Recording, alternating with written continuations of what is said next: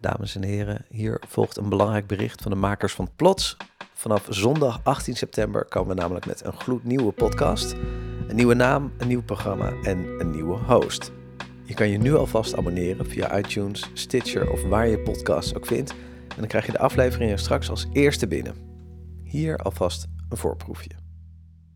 Ik ben Margot de Boer, 85 jaar oud en ze hebben me gevraagd een nieuw programma te presenteren. Het leven een gebruiksaanwijzing. Door zuurstofgebrek kan ik niet praten en zit ik in een rolstoel. En spraakcomputer bedien ik met mijn ogen. 14 afleveringen met persoonlijke verhalen aan de hand van een prangende vraag. En als ik het u zou vragen, 5 plus 3? Zoals hoe te vergeten. 5 plus 3, dat is eh 17. Hoe je niet schuldig te voelen.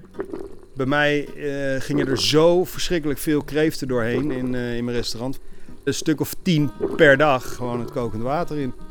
Het is natuurlijk niet de allermooiste dood die je kan voorstellen. Hoe een bittere pil te slikken. Als ik zijn handen zag, dan zag ik zijn handen. Ik vond de nagellak heel mooi. Ik vond het heel mooi verzorgd. Maar het waren mijn mans handen. Of hoe je stem te vinden. De stem die ik nu heb klinkt als een koud iemand die weinig emotie heeft. Dit ben ik niet.